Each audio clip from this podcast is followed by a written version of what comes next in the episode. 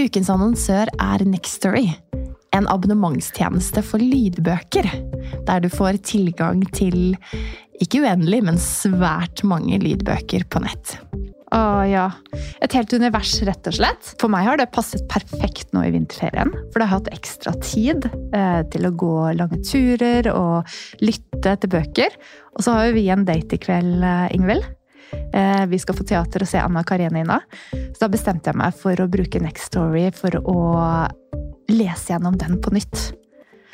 Og det er bare helt fantastisk roman fra 1870-tallets Russland som jeg anbefaler alle å utforske, fordi den er like aktuell nå i 2024 som eh, den gang den ble skrevet. Men det er jo så fint, da, ikke sant? Og uavhengig av om eh, man har vinterferie eller mer tid til overs, så har man også disse små lommene i hverdagen. Du kan ha boken på øret, og du kan brette tøy, eller du kan sette på en klesvask, en oppvask, whatever å dykke inn i dette universet. Og det er jo det som er så fint. I, eh, I, tillegg, da, når uh, disse små Dine kommer med den samme boken for 15. gang, Ingvild, og spør ja. mamma kan du lese denne, så er selvfølgelig det veldig hyggelig, men det kan også være eh, vel så hyggelig å, å få eh, boken servert fra noen andre, så kan man lytte sammen. Eh, vi har hørt mye på Albert Aabergs lydbøkene i Nextory, for det er et univers som både min femåring og min toåring elsker.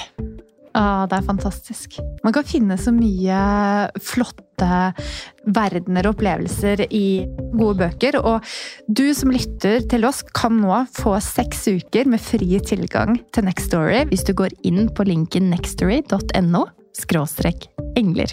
Så gå inn der, bli med oss eh, og utforske bokuniverset. Og så håper jeg at du har like stor glede av det som vi har.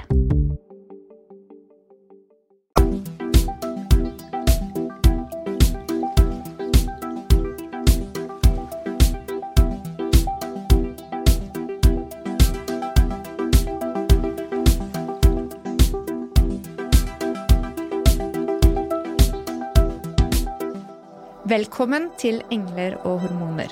Inspirasjon og ny kunnskap om helse, selvutvikling og livsstil.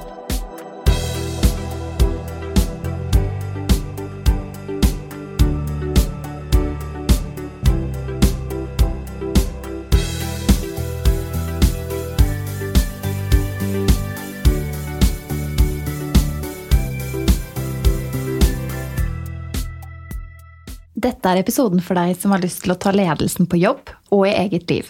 Få til mer av det du vil. Og for deg som synes kjønnsbevisst lederskap er spennende. Etter disse 50 minuttene ønsker vi at du som kvinne skal våge å synes og våge å ta plass. For kvinner er ledere i samfunnet, i hverdagen og i eget liv. Og på klinikken så ser vi kvinner som opplever ulike typer stress i denne rollen. Stress er en av de største helseutfordringene som vi ser i dag. Og for å bedre helsen og inspirere til selvutvikling, så skal vi bruke denne episoden til å utforske kvinnelig lederskap. Og med oss i studio så har vi to konsulenter som jobber med kvinner som vil utvikle sine evner som ledere. Velkommen til studio, Anniken og Siri. Tusen takk. Tusen takk. Så Anniken, deg kjenner vi litt fra før. Ja. Men kanskje du vil fortelle litt om uh, hva bakgrunnen din er for nettopp dette? Mm -hmm. um, altså Helt fra jeg var liten, så har uh, kvinnesak vært uh, viktig for meg. Det har jeg fått inn med morsmelken. Og så har jeg også hatt et brennende ønske om å gjøre en forskjell i verden, og det var jo derfor jeg studerte samfunnsgeografi. Uh, og jeg kjenner også Siri fra studietiden. Vi studerte sammen. Så begge har hatt et ønske om å gjøre en forskjell. Uh, og, og ha gått veien gjennom yrkeslivet med dette i tankene hele tiden. Og så har vi liksom vært i utlandet begge to, vært rundt omkring og funnet ut at oi, men nå er vi her hjemme, og her kan vi faktisk gjøre en forskjell. Og så har jeg en sånn liten altså Vi har jo vært innom dette med kvinner og selvfølelse før på noen av de andre episodene. Jeg har en sånn egen liten personlig eh, mål om å hjelpe så mange kvinner som mulig til å få det bedre med seg selv.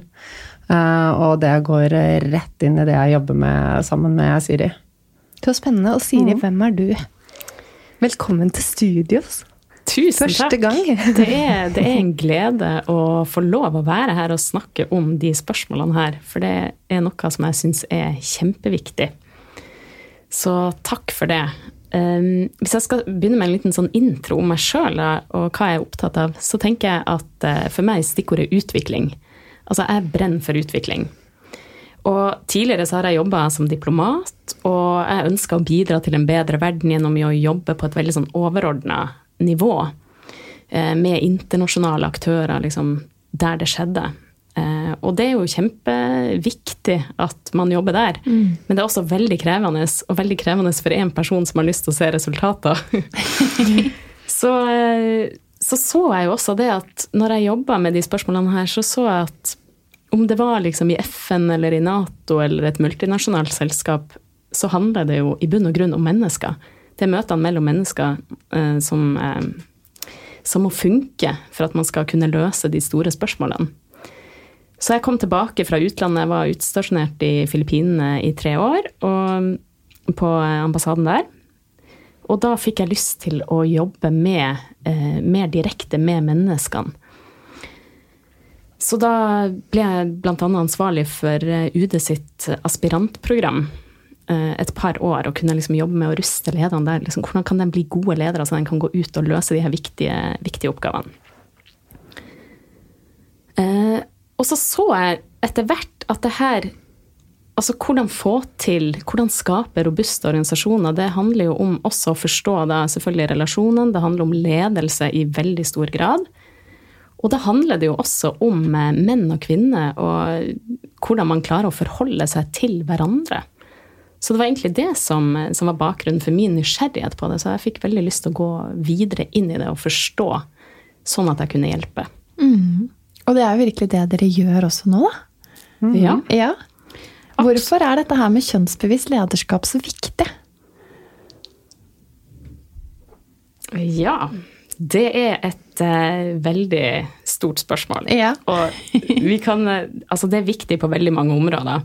Men hvis vi prøver å liksom trekke det ned alt, for alt det som handler om menneskerettigheter, det handler om mangfold og likestilling og kjønnsbalanse og alle de tingene der, så, så tenker jeg at det, det, handler om som leder så må du forstå samspillet.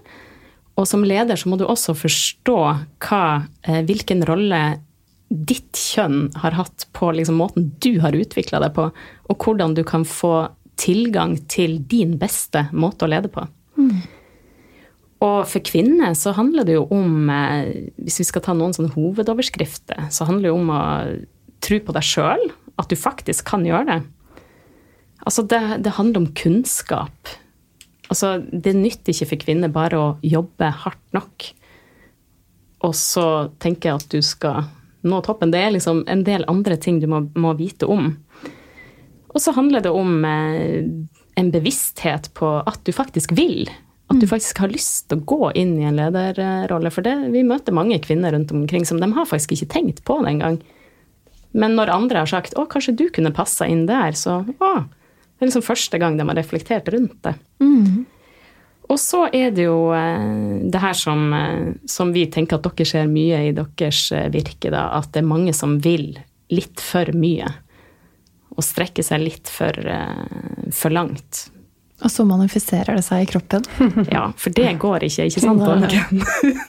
altså, men for å, for å på en måte prøve å fortelle litt sånn hvorfor var det jeg personlig ble opptatt av det? Liksom, hva var det jeg kjente på? For jeg har gjort denne reisa. Jeg har gått et lederutviklingsprogram for kvinner, som er et uh, svensk program som vi nå også kjører i, i, i Norge. Og da fikk jeg meg noen skikkelig aha-opplevelser. Fordi det som jeg fant ut, det var jo faktisk at jeg vurderte mine ledere på bakgrunn av kjønn. Mm. Og jeg vurderte mine ledere som var kvinner, mye strengere enn jeg vurderte mennene. Det er utrolig interessant, da. Ikke sant? Og da tenker jeg det er litt av et paradoks når jeg som sjøl da var kvinne og hadde lederambisjoner, og som på en måte uh, var så kritisk til de kvinnene som, uh, som jeg så. Og så var det litt det der å sette de mennene på pidestaller. Liksom, ja, men den var så kjempeflink. Mens hvor var empatien til den eh, kvinnelige lederen? Uh, ja, hvis dere skjønner. Så det, så det var et eller annet der. I tillegg så som konsulent nå når jeg er rundt, så hører jeg jo så mye som, som er på en måte kjønna av det som sies når man vurderer sin egen organisasjon. Altså jeg får høre at eh, her har vi en kjerringkultur. Ja. Jeg får høre at eh, problemet er at det er for mange damer her. Men når du prøver å liksom spørre ja, på hvilken måte mener du det her er viktig, så um, da får jeg høre at nei, men nei, vi vil ikke snakke om kjønn. Det handler ikke om kjønn. Oh, ja. For kjønn skal jo være mer flytende i dag. Ja, ikke sant? Og det, er- det er så mange paradokser, og det er så på så mange nivåer. Så um, det er forvirrende. Definitivt. Men det her var i hvert fall liksom noe som gjorde at nei, det her må, her må gå inn og se på. Hva, hva er det her? Men eh, det at man ser på kvinner eh, strengere, da, slik som du opplevde der, Siri, kommer det av at vi har en tro på at for at vi skal klare å bli ledere, så må vi prestere bedre, at du forventer mer av dine medsøstre, eller, eh, eller kommer det fra et annet sted? Har du reflektert over det? Ja, det her er, det er veldig spennende. Altså, vi ser jo at uh, vi er jo alle utsatt i en eller annen grad for eh, påvirkning i forhold til sånne tradisjonelle kjønnsstereotypier, da. Som er type sånne samfunnsskapte eh, forventninger til kjønn som vi har. Og det her har man jo gjort veldig mye undersøkelser på. Og det er, det er også ganske sånn globalt nedslagsfelt på det. Og da er jo sånne klassiske forventninger Og husk, vi snakker sånne stereotyper, ikke at menn er sånn eller kvinner er sånn. Men i de her stereotypene så er jo menn Altså, de skal synes, de skal kjempe, de skal høres, de skal eh, eh, være Altså, de er konkurranseorientert. Mens kvinner, altså i det her eh, stereotypien, de skal være snill, eh, positiv, lojal, lydig. Altså du skal på en måte være dempa.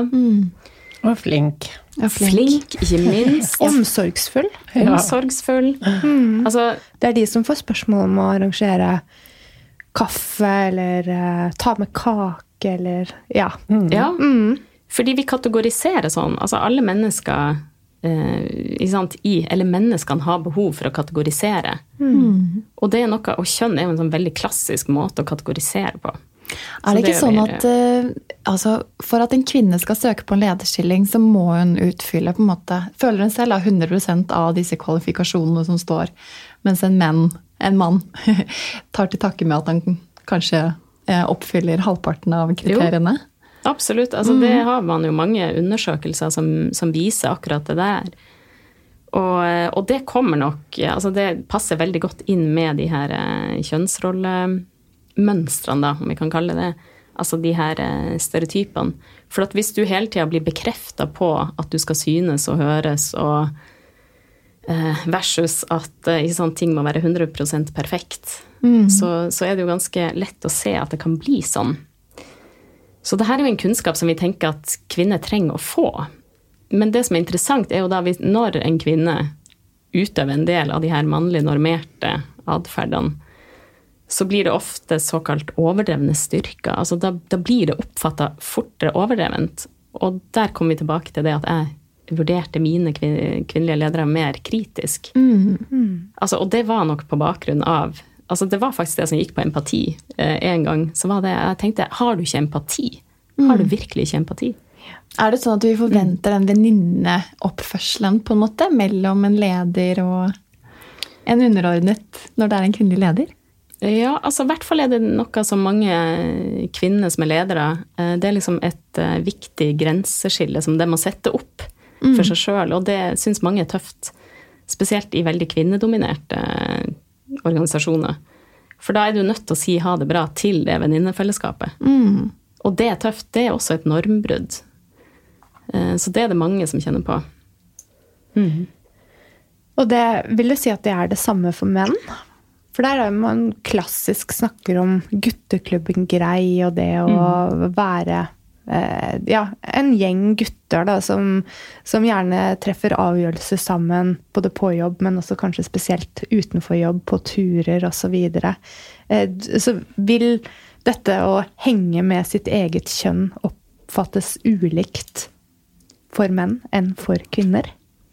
Mm, skal vi se om jeg skjønner spørsmålet ditt. Men det som er helt klart, er at vi ser at det i veldig mannsdominerte kulturer, så er det andre typer mekanismer som virker da. Mm. Og det som er spennende der, er jo å se at altså det, man snakker om som brødreskap og um, Altså vi ser at menn veldig sjelden løfter uenighet sammen. Mm. Altså at man er veldig enig uh, når man sitter rundt bordet.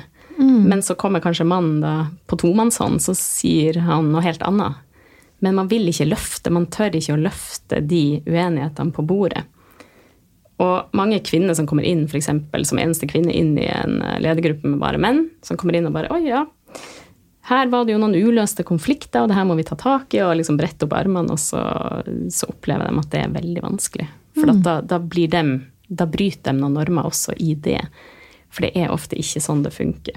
Er vi tilbake på følelser igjen da, eller er det andre normer som brytes? Uh, nei, det tenker jeg bare går på sånn hardtarbeiderskap. Ja. Altså, vi har en konflikt. Det kan vi jo ikke ha. Vi må løse den. Eh, vi må bare gjøre det. Kom igjen, dere sa jo det var et problem i stad. Ja. Hvorfor er det ikke et problem nå? Mm. Og ja, Så at ja. man løfter det i feil mm. forum, rett og mm. slett. Mm. Mm. Så et uh, råd til, til, til, kvinner som kommer inn i ledergruppe, er jo ikke sop alle konfliktene ut fra matta med en gang. Du kommer til å dø. Du må ja. ikke gjøre det. Men det ligger mange der, garantert. Mm. Hvis vi tar et steg tilbake um, i Norge så er, er, det kun 21% av topplederne i næringslivet som er kvinner. Mm. Hvorfor bør vi satse mer for kvinnene? Vi vet jo svaret, selvfølgelig, men fortell ja. oss.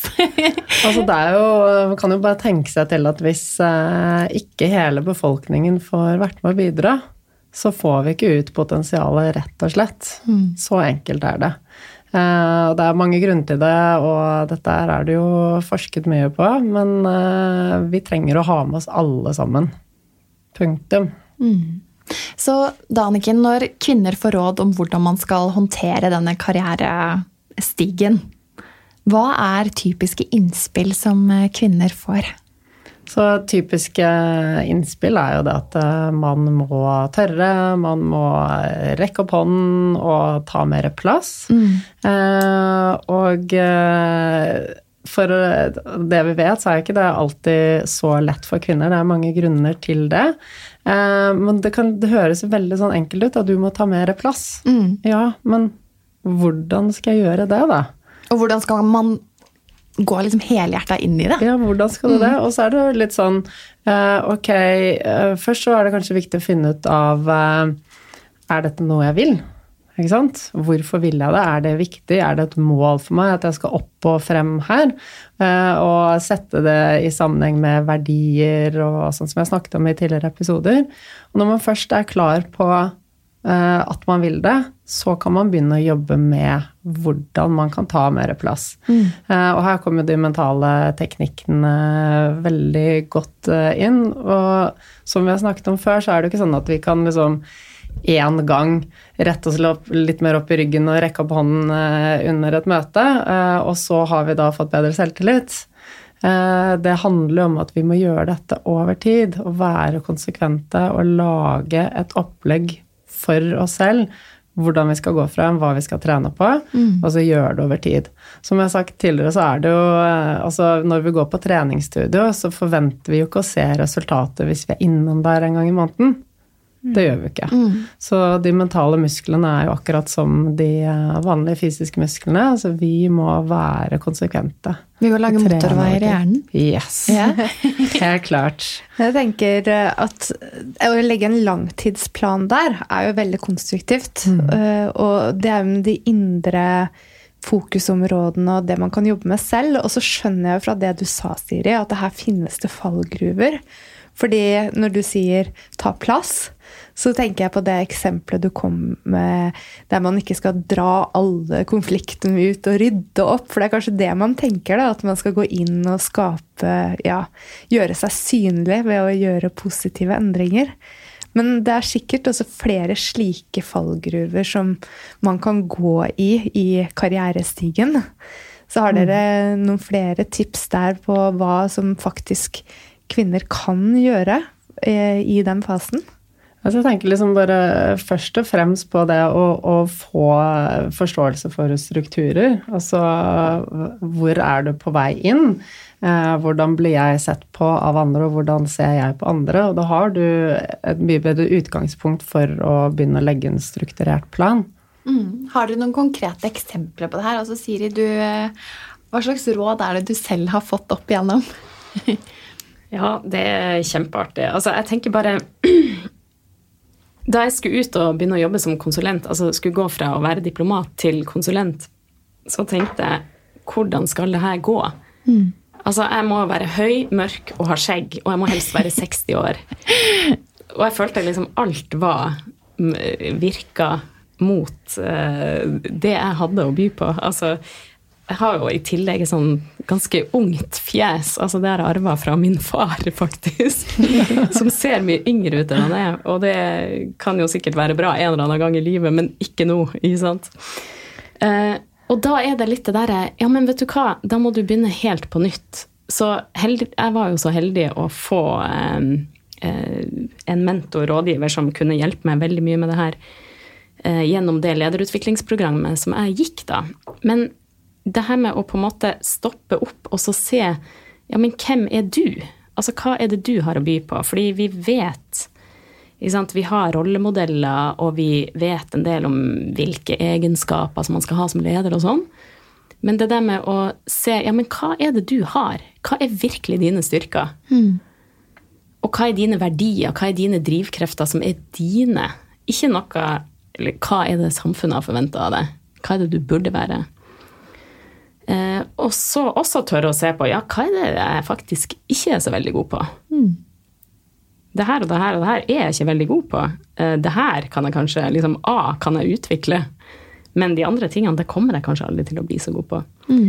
Og sånn bygge opp en sånn eh, robusthet da, i forhold til å kunne faktisk da i det være, være, stolt over å være både kvinne og være liksom 41 år og jobbe med lederutvikling. Og det å kjenne det, at å liksom bygge opp det fundamentet, da etter det så kjente jeg jeg kunne gå inn og, og coache 60 år gamle toppledere. Mm. Og kjente at jeg fikk respekt og, og gjennomslag. Og det var jo bare helt fantastisk. Så da er det på en måte Du må bare være deg sjøl å være stolt av den.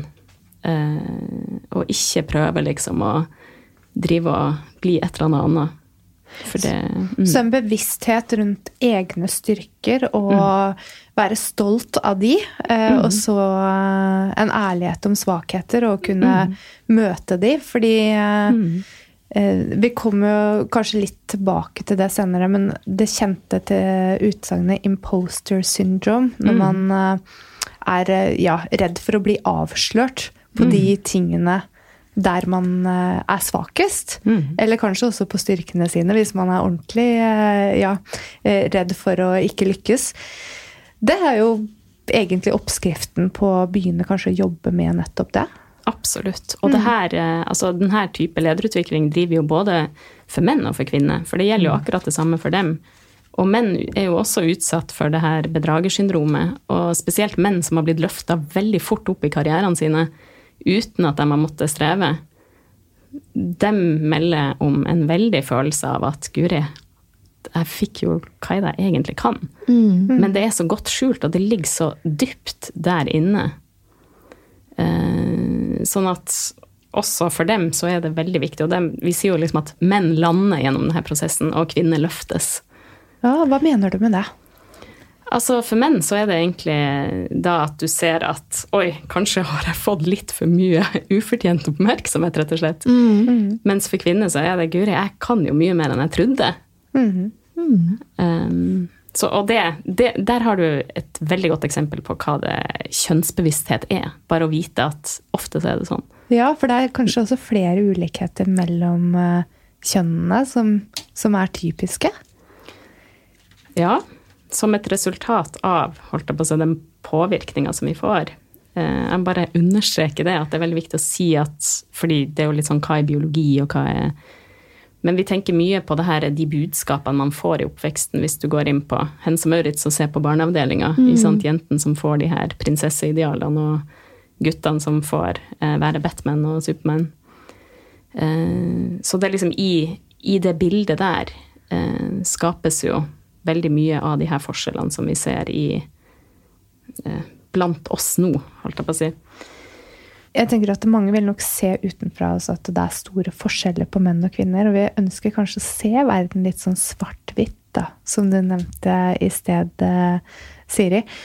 Vi har jo ulike personlighetstyper, alle, om vi er menn eller kvinne. Men hva er det som er gode ledertrekk for en effektiv ledelse? Ja, det er det jo. eh, Skrives og forskes og diskuteres eh, kjempemye. Og det er jo Altså, vi vet jo fra litteraturen så Vi snakker om ulike ferdigheter, f.eks., som er effektive i, eh, i ledelse. Og så, man, så gjør man jo studier altså på hva, hvilke personligheter preger de fremgangsrike lederne. Um, altså jeg tenker Det viktigste å, å si om det, er at både menn og kvinner kan være utrolig gode ledere. Eh, for, gitt at de bruker personligheten sin som instrument i det. fordi at det er der krafta i, i lederskapet ligger. Og det handler om å bli bevisst på det her som jeg var inne på i stad. Altså, hvem er meg i det her? Og hva er det jeg ikke er så god på? Hvordan kan jeg lage en plan for å liksom demme opp om det her? Ehm, sånn at jeg klarer å være en god leder. Men altså, vi vet jo at en god leder må både Altså, du må være resultatorientert på et eller annet nivå. Du må være Du må bry deg om folkene dine. Du er nødt til å gjøre det, og du er nødt til å ha en eller annen form for planmessighet i det du gjør. Og du må kunne på en måte ha en viss grad av emosjonell stabilitet. Altså, du må kunne bevare roen når det brenner på dass, for å si det sånn. Ja. Ikke liksom miste, miste hodet. Eh, Så det er jo sånn som går på de her eh, klassiske teoriene. Men, eh, men jeg tenker det viktigste er at de ferdighetene du skal lære deg som leder, dem er, eh, dem er trenbare. Og her kommer jo disse mentale Men den mentale treningen din, eh, Anniken. Helt klart. For det er jo ikke, som Siri sier, det er jo ikke sånn du er kvinne og du er mann, så derfor er det gitt at du er sånn som leder. Sant? Alle, har sine, alle har ting de er gode på, og alle har ting de er mindre gode på. Og gjennom å bli bevisst eh, på hva vi trenger å jobbe med, eh, så kan vi da begynne å jobbe konsekvent med det. Og alt er mulig å endre. Ikke sant? Man, ikke, man endrer ikke personlighet eh, helt eh, fullstendig, men man kan tilegne seg egenskaper som man eh, ikke har hatt så god tilgang til før. Og det er Det har vi jo lest om også at man bruker mye lederutviklingsprogram, som du nevner, men også mentorer eller sponsorer har jeg også snakket om i forhold til den prosessen. Hva er forskjellen på mentor og en sponsor? Forskjellen er jo at eh, altså en mentor kan utfordre deg på kunnskap. Altså det kan være en, det er en person som har mer kunnskap eh, enn det som du kan få tilgang til. Mens en sponsor er en person som har makt. Som faktisk er villig til å gi av den eh, makta for å løfte deg opp. Aha. Og det er et vesensforskjell, fordi eh, her ser vi ofte at kvinner på en måte, kvinner har gjerne, kan gjerne ha mentorer og sånn, men det viser seg å ikke være like karrierefremmende. Da. Så du må ha noen som jobber for det, og som eh, taler din sak. Mm. Mm. Og spesielt for å få deg opp på et nivå der du får et såkalt resultatansvar, da, som vi snakker om Ja. i ledelse. Og det betyr jo at du har en eh, du har en viktig del av liksom kjerne Du har ansvar i kjernevirksomheten til eh, organisasjonen, og ikke f.eks. HR-sjef eller kommunikasjonssjef. Det er ofte sånne typer roller som kvinner får, det, der du ikke har ansvaret for egne budsjetter. Og da er det også sånn Du går på en måte ikke fra å være en HR-sjef til å bli CEO. CEO. Um, og, og, og det skal du kanskje ikke heller, fordi ledelse handler jo om å bygge seg gradvis og vise på en måte hva du kan. Så det her med å tenke nettverk og sponsor Og så må man bare huske på at sponsor er ikke heller noe sånn du sender en mail og bare 'Vil du være min sponsor?' Det handler om nettverk, på en måte? eller? Ja, det, det handler om en sånn tillitsrelasjon. Altså denne eh, sponsoren må jo også tro på det. Mm. Eh, for at da setter man jo seg sjøl på blokka også for å få noen opp. Man tenker jo ofte på sponsor som noen som gir eh, økonomisk eh, bistand eller støtte. Mm. Og det er det også i dette tilfellet, liksom. Ja, det er jo det, bare at det går på liksom, makt og innflytelse. Men personlig så har jeg gjort det etter at jeg ble bevisst på det her, så er mitt sånn prosjekt her i verden, det er å bare løfte kvinner. Altså å bare få det Altså på en måte, i den grad jeg kan være sponsor for noen, eh, så i hvert fall en mental sponsor, mm. og liksom se rundt, hvem er det som liksom bare Yes, heier på, pushe, utfordre. Kom igjen, gjør det. Eh, hvis du vil, da, selvfølgelig. Man skal aldri tvinge noen til å gjøre det. Det handler om det vi snakket om, eh, hvordan vi setter oss mål, og de, de må vi eie hvis det skal være gode mål, og de må være forankret i det som er verdifullt og gi mening for oss. Så det er et godt poeng, eh, Siri. Jeg syns du er veldig flink til å løfte frem folk, jeg, altså. Å, takk. Ja. Syns du det? Syns Altså, det. mm. Takk for det, Anniken. Det, det, jeg tenker det er det vi må. Så Ja. ikke snakke ned kvinner, som jeg da har gjort som kvinnelige ledere. Men, Ja. Men å løfte dem opp. Råkult. Og også, bare for å si det, jeg jobber jo veldig mye også i mannsdominerte miljøer om dagen. Og jeg er jo like opptatt av at de skal bli gode ledere. Men eh, vi må også tørre å se på den ubalansen. eh, at det er færre kvinner, og de trenger Ja. Og det er så mange flinke kvinner som jeg har så lyst å se. Der. Ja, fordi på veien dit, eh, hva er det du mest kan gi, tenker du, Siri? Sånn, hva er det kvinnene trenger for å tørre å ta det steget? Hva Ser du noen typiske egenskaper som du trenger å løfte frem hos eh, disse damene? De trenger å tro på seg sjøl eh, i bunn og grunn. Og så trenger de kunnskapen om at det er faktisk litt urettferdig. Ja. At det nytter ikke å bare jobbe så hardt som bare det, å ligge på benken hos dere på Altså, du må på en måte jobbe smartere og mer strategisk og skjønne Du må, du må skjønne de her mekanismene. Da gjør du det så mye enklere for deg sjøl. Og det er jo derfor vi elsker å ha damer som dere i studio. Fordi det vi gjør, er at vi brenner for å få bedre helse.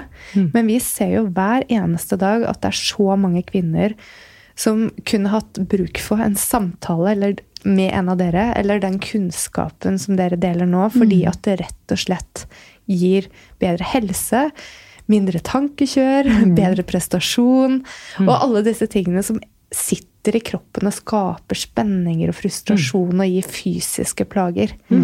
Eh, løfter vi det opp, da, så kan vi få en ordentlig vinn-vinn-situasjon sammen. Helt klart. Og det er jo ofte sånn at eh, man sitter jo inne med disse tingene og føler på det, uten å nødvendigvis eh, dele tankene med noen, da. Så det er jo sikkert veldig mye verdi i det at de er på benken hos dere og, og deler av tankene sine. Eh, Og kan spare med dere. Eh, Og som vi snakket om eh, under episoden vi spilte inn om motivasjon og målsetting, så sa jo det at det er ikke meningen at vi skal klare alt alene. Vi, vi er veldig sånn typisk norske kvinner. Nei, men jeg skal klare alt alene. Skal i hvert fall ikke spørre om hjelp. Og er du kanskje en litt ambisiøs karrierekvinne som vil opp og frem, da skal du i hvert fall ikke spørre om hjelp. Så sitter du inne da, med kanskje en sånn knugende følelse i magen, og ting er ikke helt på stell, og begynner å få vondt i muskler og skjelett, da, så, så klarer du kanskje ikke sette ord på det. Én fordi du ikke er bevisst på det, og det er mye av det vi jobber med. er liksom, Steg én er bevisstgjøring. Eh, og så, så har du kanskje ikke noe referanse, så tenker du kanskje på at ja, men det er sånn det skal være. da. Det er jo stressende å være her, og kanskje litt ensomt, og har ikke noen å prate med. Det er ingen som forstår meg uansett. Så det er så Kanskje ikke jeg presterer bra nok, og Ja, ikke jeg er ikke god nok. Og... Nettopp. Da har vi det. Så vi jenter skal jo være flinke, ikke sant? Det, det, ja, altså det ligger jo til den rollen, det, altså påbudet om å være perfekt. Og det er klart det, det, Det er er vanskelig å innfri. Det er jo faktisk umulig å innfri. Så den går jo ikke. Mm. Og så er det ikke bare i næringslivet. For jeg hører de samme ordene fra kvinner når det gjelder sin egen rolle, kanskje i familien, eller i forhold til venninner, eller eh, andre som du har ansvar for. da. At mye av det samme dukker opp i forhold til å ikke strekke til, i forhold til å ikke kunne organisere seg for å vokse relasjoner, kommunikasjon, konflikter. Det er så, det samme, bare i en annen setting. Ja, mm, helt klart. Det er akkurat det. Så der er det mm. Du kan ta et oppgjør da med disse forventningene som egentlig følger oss fra vugge til grav, liksom. Tenk så befriende. Så har du gått med de eh, forventningene og forholdt deg til det hele tiden, og så plutselig skjønner du at ja, men jeg trenger jo faktisk ikke å leve etter det. Kan leve etter meg selv istedenfor. Ikke sant? Så vi er avhengig av å ha gode kvinner rundt oss som ja. løfter oss fram, og Veldig. mm, som vi våger å åpne oss opp til. Men vet du at det er forskjell på å være kvinne og mann. Jeg tenker dette her med Ja, vi snakker om kvinner og menn, og, men veldig vanskelig å vite hvordan det er fra det andre kjødens ståsted. Mm.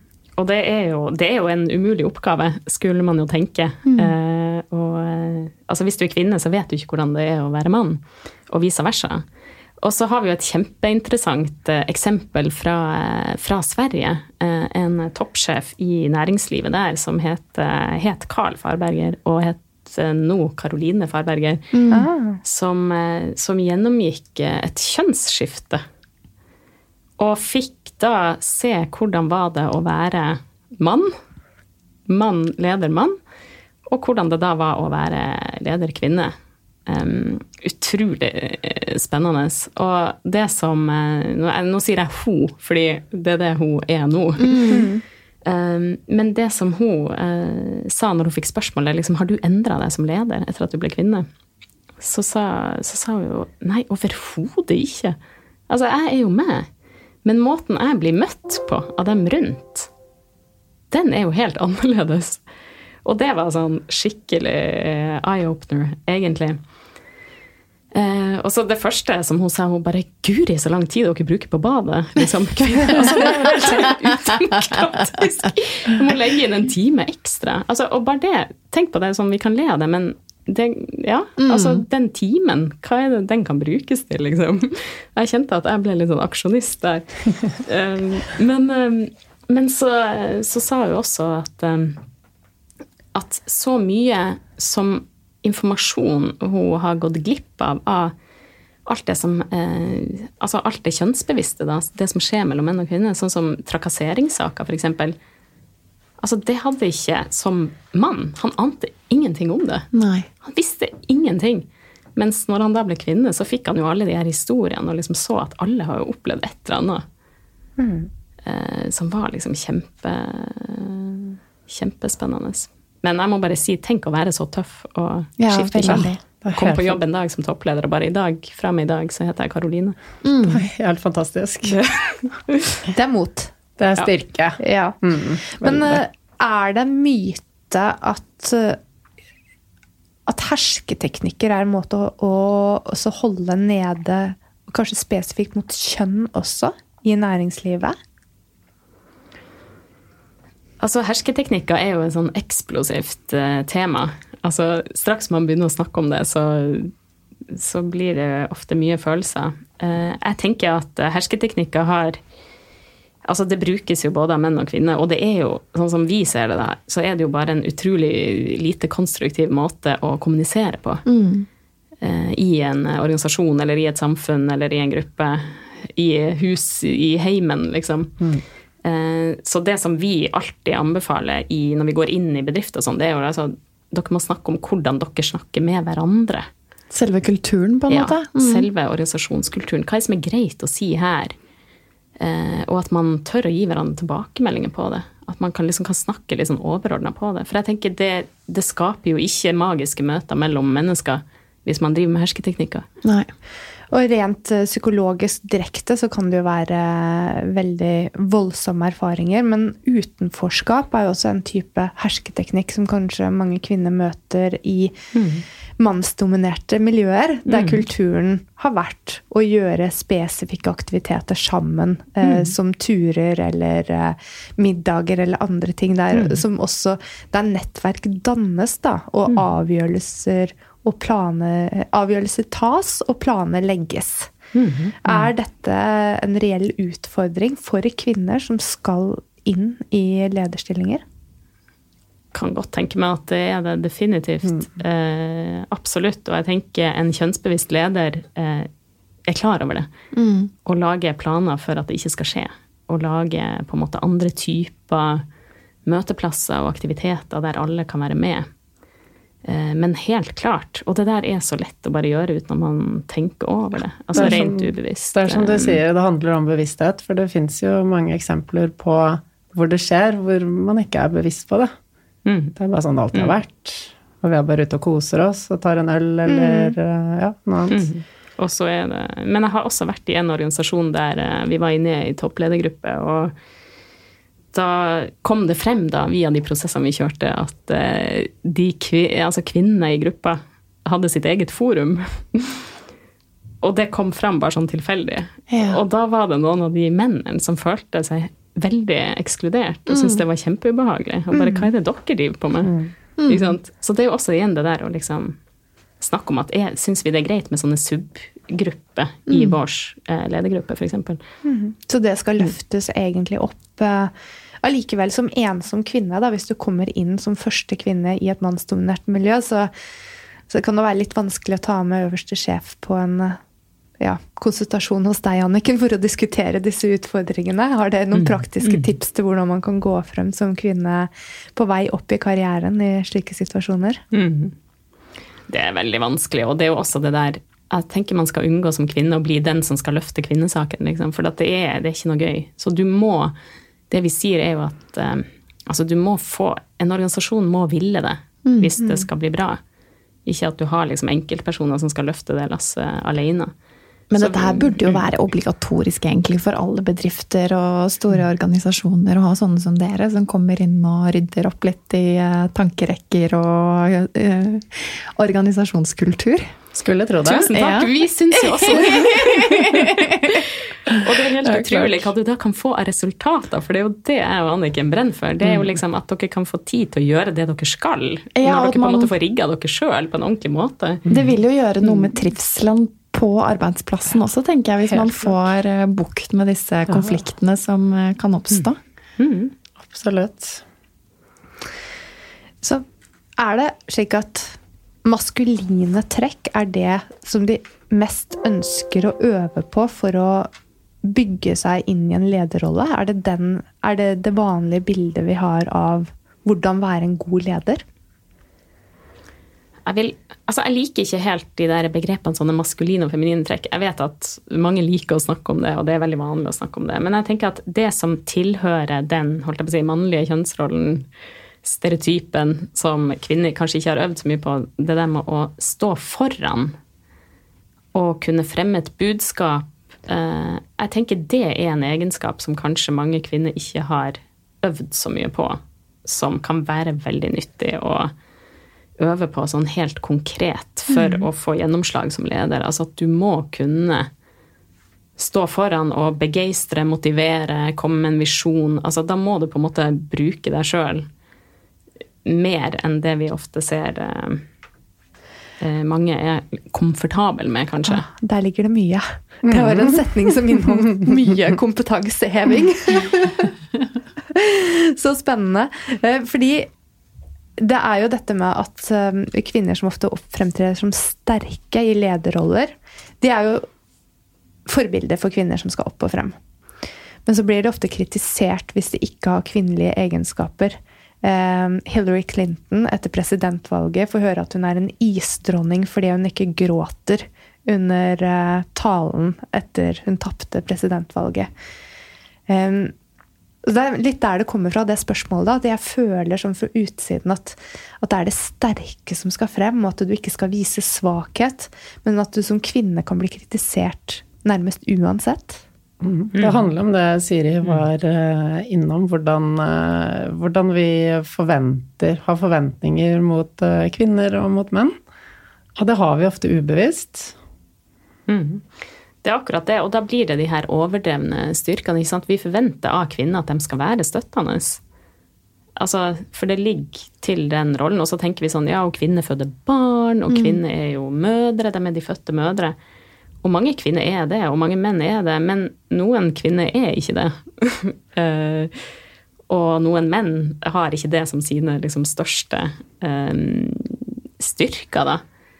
Uh, og det er et eller annet med at det må også være greit. Men det som du har helt rett i, da, det er jo det at uh, det tradisjonelle lederskapet er på en måte mannlig koder i stor grad. Mm. Og det er derfor at det blir et sånn normbrudd når vi ser da en kvinne sånn som Hillary Clinton skal gå inn i den rollen som vi da har koda mannlig så, så, blir det mismatch for oss. Altså, det blir liksom sånn Antropologene liksom prøver å forklare hvorfor er vi redd for slanger. Altså, det er en fisk, men den har ikke gjeller. Altså, den er på land. Altså, vi klarer ikke å kategorisere det riktig. Mm. Ah, da, så det blir forvirring i hjernen vår? Det blir forvirring, det er akkurat det. Og, mm. og heldigvis så sånn, Vi bryter jo ut av de her kategoriene. Men det artige er at Eller artig, det er jo egentlig veldig trist. Er at det fortsatt så står det veldig sterkt. Og når du da på en måte fortsetter å bygge opp sånn med barna våre som, altså Jeg er sjokkert over så mye som jeg ser i skole og barnehage, og av at liksom man, man driver og kjønnssegregerer dem. Mm. Sånn vi har eh, egne grupper for gutt og jente, og de driver med sånne jenteprater hos førsteklassingene. ikke sant? Og jeg tenker sånn, hvorfor gjør dere det mm. Nå, allerede? Altså, Hva er det dere liksom driver og bygger opp og prøver å forsterke de her forskjellene? Mm. Eh, så derfor så tenker jeg bare at det er så viktig at vi, fortsatt, at vi er bevisst på at det her foregår fortsatt. Det påvirker oss. Det gjør det. Mm. Og så er det sånn altså, Vi tenker som oftest ikke over det, for nå er vi er så vant til at ting er som de er. Så, så første steget er bare å bli bevisst, så skjønner man uh, hvordan ting henger sammen. Og så begynne å jobbe med styrkene sine. Mm. Uh, og liksom skal vi da inn i, det, i lederskapet, så ja, vi trenger å stå stødig i oss selv. Vi trenger, de fleste av oss kan ha godt av et lite boost av selvtilliten og øke selvfølelsen, spesielt oss kvinner. Eh, så vi tenker at der er det veldig mye alle kan hente som vil opp og frem. Mm. Og da er det jo ren mental trening som vi bruker. Mm. Mm. For jeg legger til det, noe mm. som jeg tror er en forskjell mellom kjønnene, er at jeg tror begge kjønn trenger å jobbe veldig mye med selvfølelsen, mm. mens at menn har eh, mer av den selvsikkerheten, da. Mm. Om du kan kalle det mer Kanskje det som går litt mer over på selvtillit. Mm. Og det men at dem definitivt også Altså de der selvfølelsesaspektene Eh, det er like dårlig stilt. Ja. Ikke sant? Sånn. Ja. ja. Og jeg har jo like mm. mange menn som kommer som kvinner, som, som, trenger å jobbe med de mm. tingene her. Men uh, det er jo de tingene vi jobber med, og det vi har vært mye innom i tidligere episoder. Ja, når vi skal, uh, skal altså bygge opp selvtilliten og, og, øve oss på det vi skal gjøre når vi skal f.eks. inn i et møte eller holde en presentasjon, så handler det om å bli bevisst på hva vi sier til oss selv. Den mm. indre dialogen. Eh, og hva som skjer oppi hodet vårt. Alle tankene. Når vi begynner å, å, lage de mer konstruktive, velge mer konstruktive tanker og ting vi sier til oss selv, så hjelper vi på å bygge opp selvtilliten vår. Eh, så handler det også om kroppsspråk også. Skal du inn i et møte og du liksom henger, sloucher litt, skuldrene kommer fremover, og du gjør deg litt liten og står i et hjørne, nei, da vil verken du føle deg bra, eller du vil heller ikke bli mottatt med mye respekt. Så det er enkle ting som det som vi mhm. kan trene oss på. Og så handler det også med om dette, om fokuset. Hvor ligger fokuset ditt? Ligger fokuset ditt på de tingene du tror du ikke kan, eller ligger fokuset ditt på de tingene som bygger deg opp? Og alle disse tingene her kan vi styre. Mm. Men det handler om å bli bevisst på det først, og så begynne å jobbe konsekvent med det over tid. Kan jeg skyte inn et spørsmål, Anniken? Hva med dette her med kleskoder og sånn? Er det sånn at kvinnelige ledere må gå i drakt, eller? Veldig godt spørsmål. Ja, det der er, det er fantastisk. Um, altså, der har vi har jo en veldig, veldig flink lederutvikler fra, fra Sverige som heter Barbro Dalbom Hall, som er en sånn pioner innenfor lederutvikling i Sverige. Og hun har jo ment masse om det her. Mm.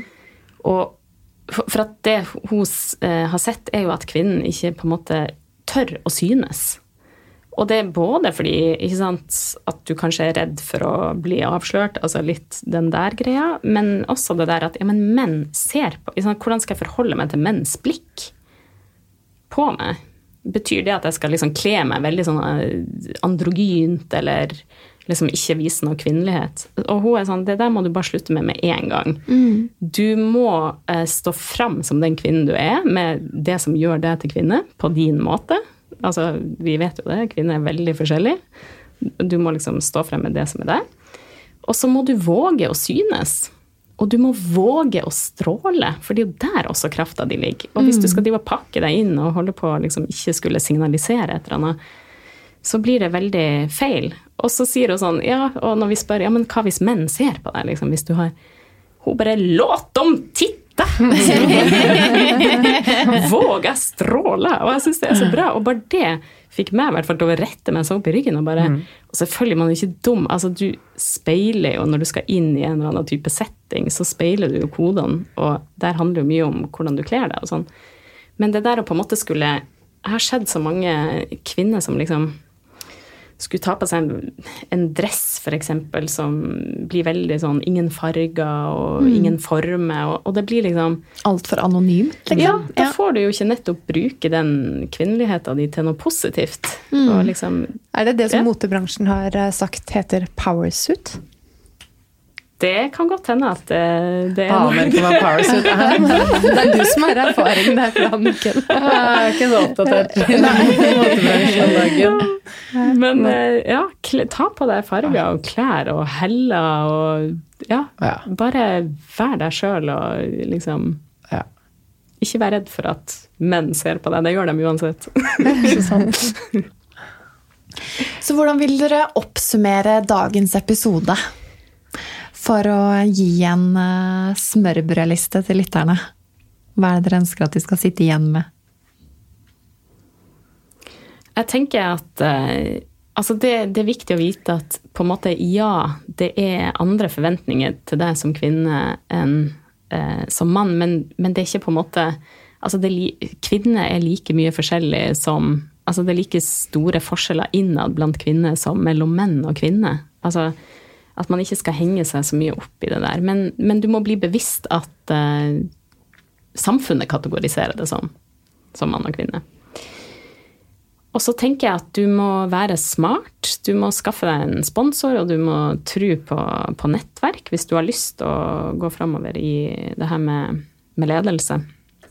Og da må du også våge å, å be om tilbakemeldinger.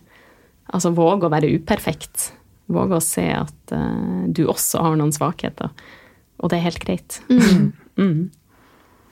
Det handler mye om eh, aksept, da, som vi har snakket om før. Dette med å på en måte stå litt støtt i seg selv og ikke tenke at man må være perfekt hele tiden. Så det er en fin ting å trene på.